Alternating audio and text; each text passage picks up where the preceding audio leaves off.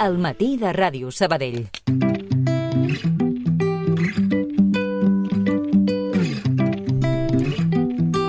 Fem salut amb el Parc Taulí.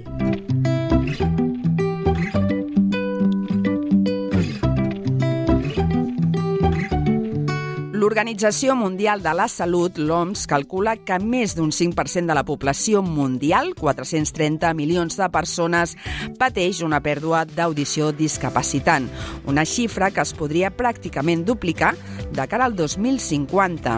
Són dades que hem conegut coincidint amb la commemoració aquest diumenge que ve del Dia Mundial de l'Audició.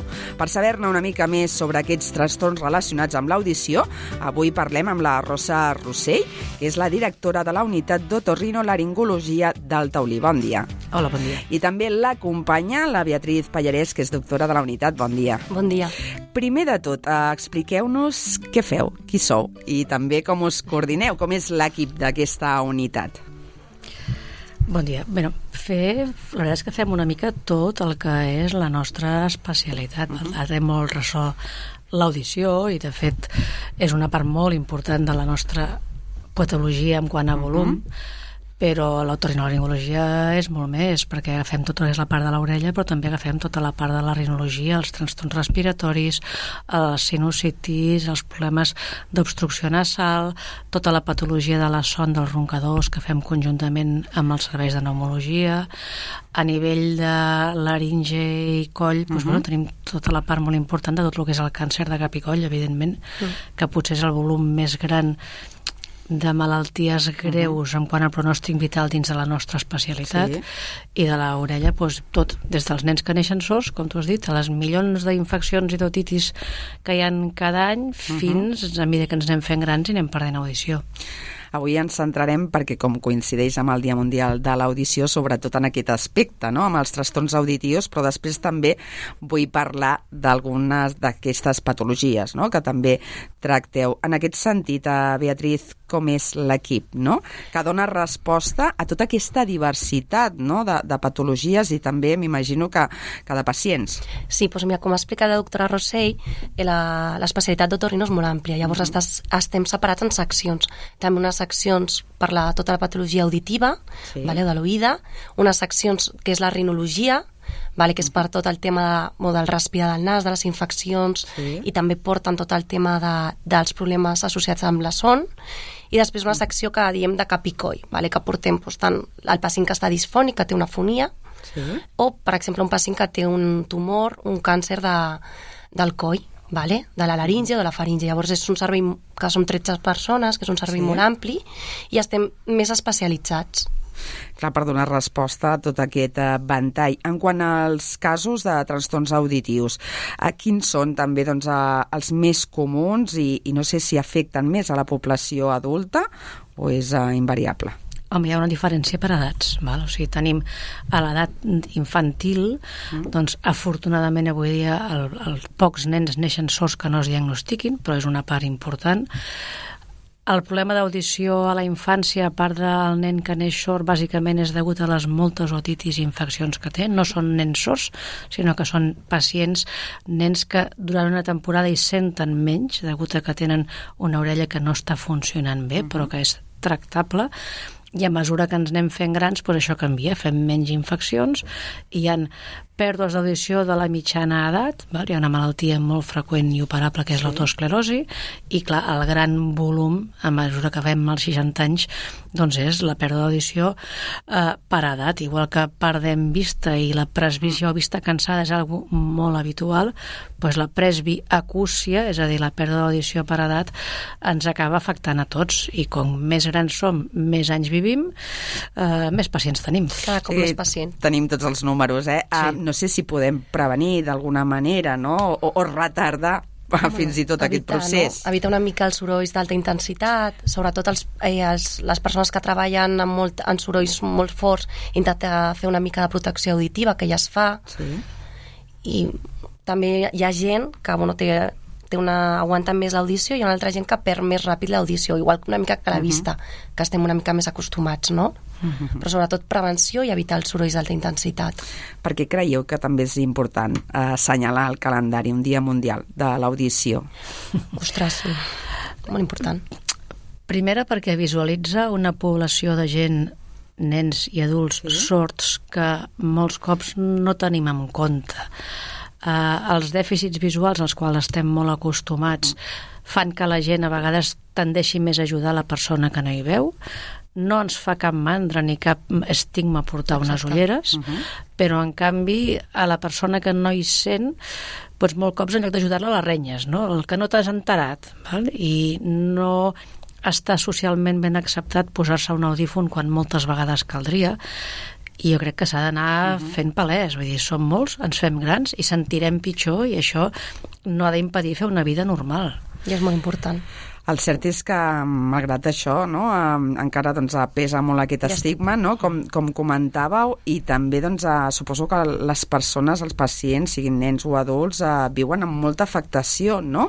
Aquest aïllament, fins i tot, no?, que els hi pot produir aquesta sordesa. Clar, que és el que tu has dit, que la, les persones a mesura que ens fem grans ja tenim més problemes de memòria i tenim més tendència a aïllar-te. Mhm. -huh. Llavors, si a més no hi sents bé i no et fiques els audífons, t'aïllaràs més perquè no entendràs les converses. Llavors, jo sempre dic als pacients i diem, és que si no hi sents, t'aïllaràs.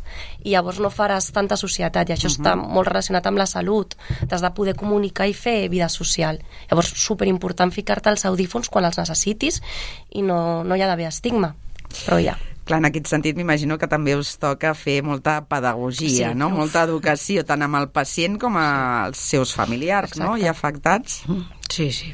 És molt difícil. La gent segueixen tenint mala fama, mm. són cars sí. i a la gent li costa molt, li costa molt decidir-se a fer aquest pas encara avui dia. Els hi pots dir que no es veuran, que mm -hmm. cada vegada van millor, però el clàssic és dir, bueno, l'any que ve quan torni a control ja mirarem. Això I clar, m'imagino que com abans, no? Posem remei mi millor, sí. no? En aquest sí, sentit. Sí, sí. Com més estimulada mantinguis la via auditiva, més temps seràs auditivament actiu i funcional, sí. Uh -huh. sí. uh, en aquest sentit, els, també doncs, els aparells, els audífons han canviat molt, no? També tota la tecnologia, que, sí, que això també potser uh, seria interessant, no? Explicar que afortunadament... Uh... Això us ho explicaria millor una casa de pròtesis, però és, és evident, o sigui, eren trompetetes vale, de les pel·lícules i dels acudits, sí. avui dia són mini-ordenadors. O sigui, posar-te un audífon d'última generació a l'orella és posar-te alguna de tecnologia digital que es pot pujar i baixar sol quan hi hagi soroll ambient, en el qual pots parlar directament al telèfon sense posar-te-la a l'orella. O sigui, són, bueno, són, són mini-ordenadors. Sí, tenen intel·ligència uh mhm. -huh. artificial, de fet. -huh. O sigui, de fet, si tu sempre vas a un sí. bar a les 11 i que sempre hi ha molt soroll en aquell bar, ells -huh. són capaços de saber que en aquesta situació, en aquella hora, hi ha molt soroll i atenuen el soroll ambient. Llavors, és una cosa molt tecnològica i bueno, el problema és que són cars i que molts pacients doncs, no sempre s'ho poden permetre. Uh -huh.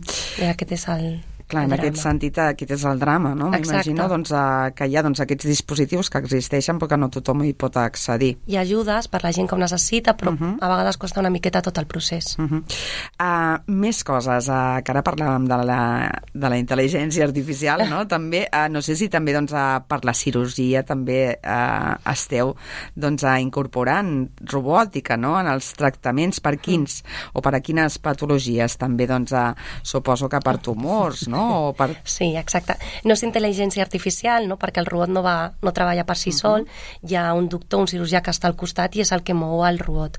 Llavors l'utilitzem per la son, per tot el tema dels problemes de la son associats uh -huh. a problemes obstructius de la via aèria, sí. i després jo, bueno, jo sobretot faig oncologia i per l'oncologia sobretot per tumors, per exemple, que abans ens teníem que fer un abordatge molt més agressiu, que teníem fer que, que obrir el coll, per dir-ho d'alguna manera, doncs ara a través de la boca podem arribar i treure els tumors.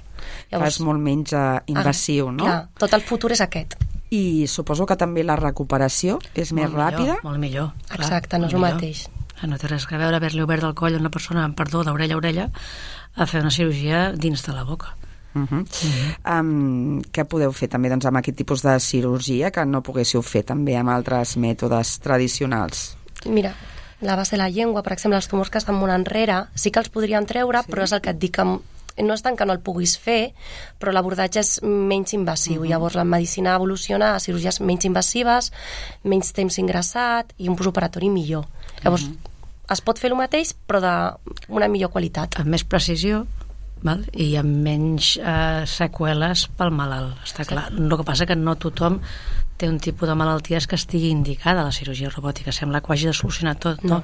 És una eina impressionant, uh -huh. val? però no és, és tot hi ha moltes altres coses, per exemple, ara estem ja fa un temps treballant amb neurocirurgia per fer eh, abordatges de cirurgia dels tumors cerebrals de la part més anterior del crani. Val? Això fa anys doncs, bueno, s'havia d'obrir el cap per sobre uh -huh. de les celles o per sobre del front per arribar a aquesta part del cervell i des de fa un temps ja se sap que amb un abordatge des del nas, sí. cirurgia endoscòpica avançada, amb una cosa que es diu navegador que et permet situar-te on estàs, uh -huh.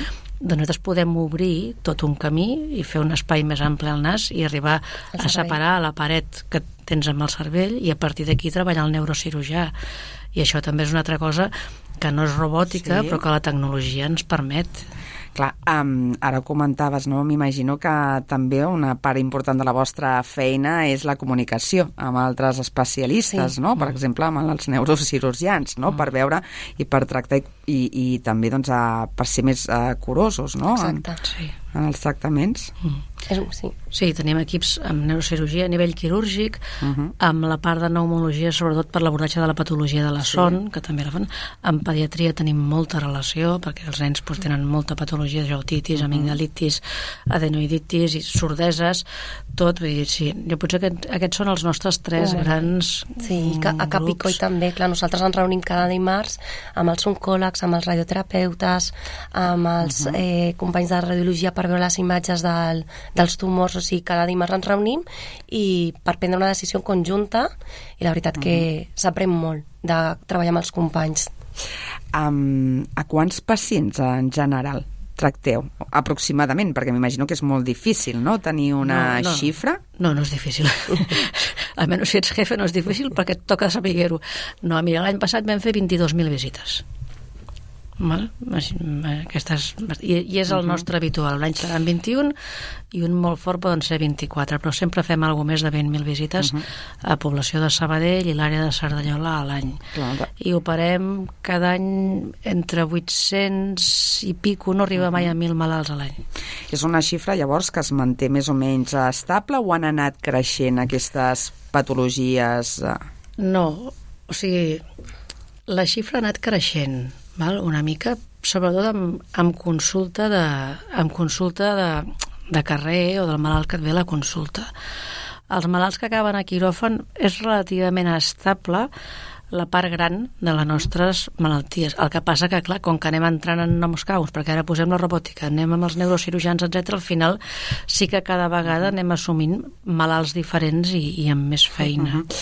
Això suposo que, clar, requereix doncs, de més formació, és no, tot més complexa. No sé si la vostra unitat, que abans dèiem que està formada per 13 professionals, és suficient? Necessitaríeu més? Necessitaríem més. Jo penso que no trobaràs amb cap metge que no et digui que necessitaria més. A veure, el que és evident que ens ha portat és a créixer, perquè sí. fa 15 anys érem 6, val? i ara som 13, i hauríem de ser 14, com a mínim, o 15, uh -huh. i especialitzant-se. Perquè, clar, vull dir, la part general la fem tots, sí. però després cadascú s'ha anat especialitzant en, en àrees més concretes de les parts més, més difícils no?, d'abordar. Uh -huh. um, perquè en aquest sentit hem de dir que doncs, aquest any comptareu per primer cop amb un resident, sí, no? Què és el que suposa això? Això és molt bo. és, bueno, bueno, ho parlàvem abans quan veníem eh, de camí cap aquí, és una cosa molt bona perquè per nosaltres ens dona una continuïtat, o sigui, formarem a, a un metge, a un company, sí. tindrem més gent treballant, també suposa també estar més estimulat, no? Nosaltres haurem de publicar més coses, el resident ha de fer articles, llavors per l'hospital o per sí. el nostre servei és una cosa molt, molt positiva. Mm. I també per, jo crec que també pel pacient, uh -huh. perquè ens suposa que estigui més estimulat tot el servei i més format. Aquesta especialitat t'interessa les noves fornades de, de professionals sanitaris? Sí, déu nhi mm. No és potser de les que estan... Això també és una mica modes, val? Mm, potser no és les que estan més de modes, potser ens passa sempre d'abans oftalmo no? i dermato, però sí, és una especialitat que Molt està ben valorada, perquè té una cosa que, que molts no tenen, que és que nosaltres veiem els nens des de que neixen fins que es moren. Llavors hi ha moltes malalties que o fas només pediatria uh -huh. o potser estàs en un camp pues, com cirurgia que cada vegada operen a gent més gran perquè sí. la gent més jove es cuida més clar, l'otorrino té que tens tot el ventall d'edat i a més a més tres camps molt diferents com són l'orella, el nas i el coll per especialitzar-te. Doncs sí, està, està ben valorada. Sí, és mèdica, no? Tens la part mèdica del pacient sí. i després molta gent no ho sap i et pregunta, però tu operes? És una, una especialitat molt sí. quirúrgica i quirúrgica de que pots, a vegades operes un coll de forma oberta, un altre dia amb el sí. robot, també té l'endoscòpica del nas, a l'oïda amb el micro, llavors és una, bueno, una especialitat que a nosaltres ens agrada molt, no que et direm, però... Sí, sí, però sí, és complet i variat, sí. Uh mhm. -huh. La recomanem. La recomaneu a nosaltres per acabar aquesta entrevista. També volíem fer algunes recomanacions, no?, aprofitant que, Perfecte. que us tenim per als nostres oients, perquè no sé, uh, respirem bé, normalment, habitualment? Quina, quina pregunta. Respirem bé? No a vegades ni respirem, no? M'imagino. De si agafem bé l'aire, vols dir? O de mm. A veure, respirem com podem. O sigui, en general, això és una cosa que és, és instintiva. Quan ets petit no saps respirar per la boca, per exemple, no? Després n'aprenem. Nosaltres respirem pel nas i dependrà de si tens el tabic sí, nasal desviat, de si tens una sinusitis, una inflamació crònica mm -hmm. dels cins, això es pot influir més o menys les tècniques de respiració és algo més aviat dedicat o a l'esport o a cantants o, o a mestres. Normalment uh -huh tots respirem com podem i bueno, no ho fem mal, estem aquí. Estem vius. Això, um, per què també doncs, um, a vegades doncs, uh, hi ha tants problemes no? a l'hora de respirar, sobretot quan ens fem grans o per les nits, no? que per això també us coordineu molt amb la unitat de, de la son, que és el que ens passa, perquè se'ns bueno, tapa... I hem, bueno, has de, hem de pensar no, que la faringe, que és el mm. coll, és una cosa que és flexible i té una utilitat que sigui flexible. Quan parlem hi ha una ressonància de la veu, és molt important. La cosa que a mesura que ens fem grans grans, la faringe es fa més laxa i hi ha un problema també de sobrepès. Hi ha un problema social de sobrepès, la gent a, la, a mesura que agafa pes moltes vegades es fica el pes en el coll i això col·lapsa. Uh mhm. -huh. Llavors aquesta cosa que és molt bona per la ressonància de la veu és dolenta per al tema de respirar per la nit i ens provoca a vegades amnies s'ha de dir que hi ha gent que potser no té cap problema de sobrepès o gent jove que té problemes i fa amnees i ronca i aquest pacient l'hem de valorar perquè hi ha coses anatòmiques que potser podem millorar vale? com gent que té una mica de retrognàtia, que uh -huh. la mandíbula té una mica cap enrere, bueno, molts detalls.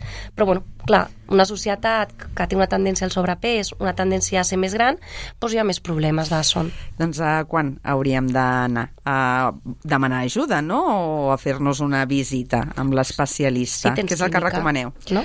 En general, si tens clínica, eh? o sigui, és evident que el que ronca la persona que viu sola potser no, però en general és la parella el que li diu, aquesta no falla, i el que sí que ha d'haver-hi, per part del mateix capçalera, abans després és un interrogatori per saber si aquest ronc, doncs el que diem és una conseqüència de l'edat, però sense uh -huh. malaltia associada, excepte molestar el pobre veí, o si realment tens més problemes. Una mica és com lo de l'audició, quan has d'anar-hi pues possiblement quan tu notes que comences a no escoltar o quan et diuen que no t'has enterat, que no em sents. Uh -huh.